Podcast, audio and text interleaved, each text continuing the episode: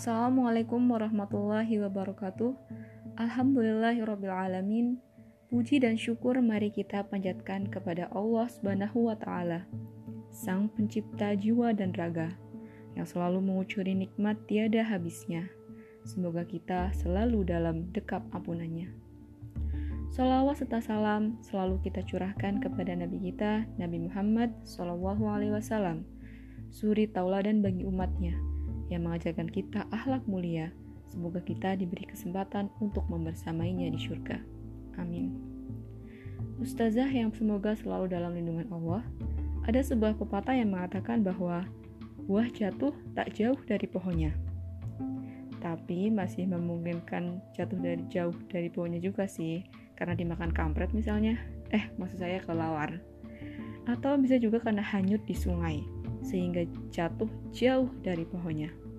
Kali ini izinkan saya berbagi kisah tentang buah jatuh, tapi bukan karena dibawa ke kelelawar, melainkan karena hanyut di sungai. Dikisahkan ada seorang pemuda, ia seorang pemuda biasa, namun memiliki kesolehan yang luar biasa. Bashir namanya. Suatu hari, sepulang dari menuntut ilmu di kota Kufah, Irak, ia berjalan menyusuri sebuah sungai. Karena lelah berjalan, ia merasa kelaparan dan kehausan. Seperti kata pepatah yang mengatakan bahwa pucuk dicinta ulang pun tiba, atau kids zaman now katakan dengan istilah rezeki anak soleh begitu. Bashir mendapati sebuah apel hanyut di sungai tersebut. Karena ia merupakan seorang yang pemuda yang menguasai ilmu fikih, maka tanpa berpikir panjang, ia langsung raih apel itu, kemudian ia gigit untuk sekedar menghilangkan sedikit rasa lapar. Seperti yang sudah kita ketahui bersama ya Ustazah, bahwa secara hukum fikih, memakan buah yang di luar kebun pemiliknya hukumnya adalah boleh. Tapi kemudian jangan dikiaskan ya Us, ketika ada ayam tetangga masuk pekarangan kita, kemudian kita sembeli karena ayamnya keluar dari pekarangan pemiliknya. Hukum ini hanya berlaku untuk buah dan semacamnya. Begitu penjelasan Ustadz Adi Hidayat. Kembali ke cerita tadi. Bashir yang sudah makan sedikit buah apel itu kemudian merasa segar kembali. Ia mencoba mengingat kembali pelajaran yang sudah ia dapatkan di majelis taklim. Namun ternyata ada beberapa bagian yang ia lupa. Sontak ia mengingat kejadian memakan apel tadi. Dia masih ingat betul satu faidah tentang ilmu yang disampaikan oleh Imam Waki, bahwa ilmu adalah cahaya, dan cahaya Allah tidak akan masuk pada orang yang bermaksiat. Ia khawatir jikalau apel yang ia makan tadi belum diikhlaskan oleh pemiliknya, sehingga menitikkan bekas kemaksiatan pada jiwanya. Akhirnya ia telusuri aliran sungai tadi. Ia cari kebun apel di daerah pinggiran sungai. Bertemulah ia dengan kebun apel yang ia cari. Ia langsung menemui si kebun apel tadi dengan rasa khawatir yang memenuhi dada hingga ia berkata, "Saya menemukan apel ini hanya di sungai dan saya telah terlanjur makan sedikit bagiannya. Saya mohon untuk Bapak menghalalkan apel yang sudah saya makan." Ternyata si pemilik kebun itu seorang laki-laki yang soleh dan ahli fikih. Dalam hati ia memuji kesolehan pemuda yang ada di depannya ini. Kemudian ia ingat pesan Nabi bahwa apabila seseorang yang kalian ridhoi agama dan akhlaknya datang kepada kalian untuk meminang wanita kalian, maka hendaknya kalian menikahkan orang tersebut. Maka dikatakan oleh pemilik kebun tadi, Tidak semudah itu, wahai anak muda, saya akan menghalalkan apel itu untukmu dengan satu syarat.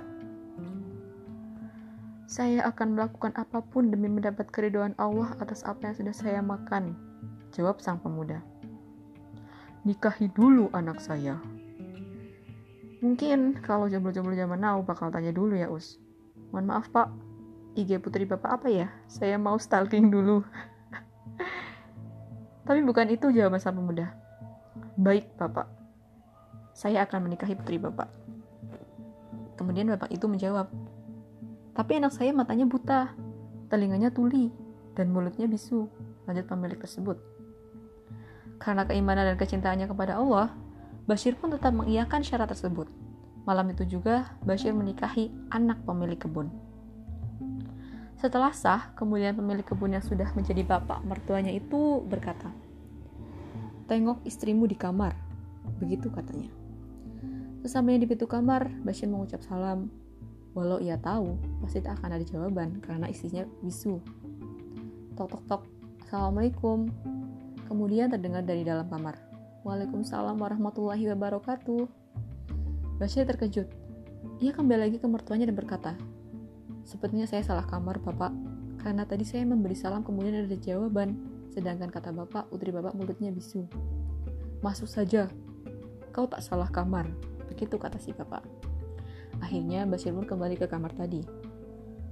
Perempuan yang ada di dalam ber, di dalam berkata, "Wahai suamiku, duduklah di sampingku." Sambil deg-degan mungkin ya, Bashir pun menghampiri istri tersebut. Dan Masya Allah, ia adalah wanita tercantik yang menjadi incaran para lelaki di kota itu. Kemudian istrinya menjelaskan, Ayahku benar, saya memang buta karena saya tidak pernah melihat maksiat. Saya memang tuli karena saya tidak mendengar hal-hal yang Allah haramkan. Saya juga bisu karena mulut ini tak pernah saya gunakan selain untuk kebaikan. Masya Allah, Pernikahan seorang laki-laki soleh dan wanita yang soleh tersebut melahirkan seorang anak yang tak kalah soleh juga. Namanya Nu'man bin Bashir atau yang kita kenal dengan Abu Hanifah. Abu Hanifah merupakan ulama cerdas ahli fikih, juga merupakan pelopor mazhab Hanafi. Saat ini, mazhab Hanafi merupakan salah satu mazhab yang paling banyak dianut oleh muslim di, sunni di dunia. Baik Ustazah yang dirahmati Allah, cerita tentang apel jatuh tadi setidaknya memberikan kita dua pelajaran.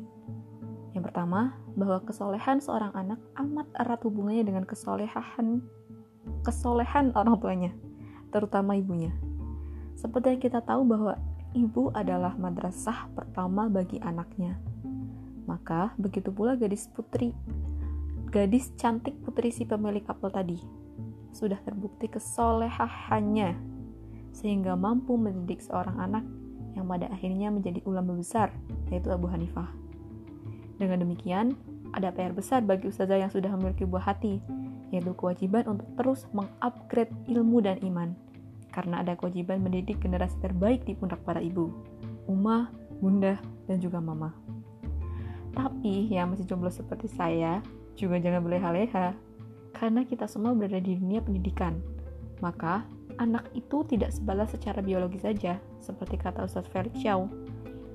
Tapi, semua siswa kita, ABS-nya sebanyak 453 itu adalah anak kita semua. Mendidik mereka adalah cara mendidik mereka dengan cara yang terbaik adalah satu-satunya pilihan untuk mempersiapkan generasi terbaik pula. Maka tak ada waktu lagi untuk kita bermain TikTok karena mereka membutuhkan pendidik yang berilmu dan beriman, bukan pendidik yang hanya terbawa arus perkembangan zaman. Pelajaran kedua, terkhusus untuk ustazah yang belum menikah seperti saya misalnya, ingat-ingatlah bahwa laki-laki yang soleh hanya untuk perempuan yang solehah, seperti pemuda dan putri pemilik kebun tadi. Maka, menjaga diri dan terus memperbaikinya adalah pilihan yang paling tepat untuk mendapat jodoh dunia akhirat. Oh ya Us, besok kalau jalan-jalan ke sungai, tengok kanan kiri ya Us, siapa tahu nemu apel.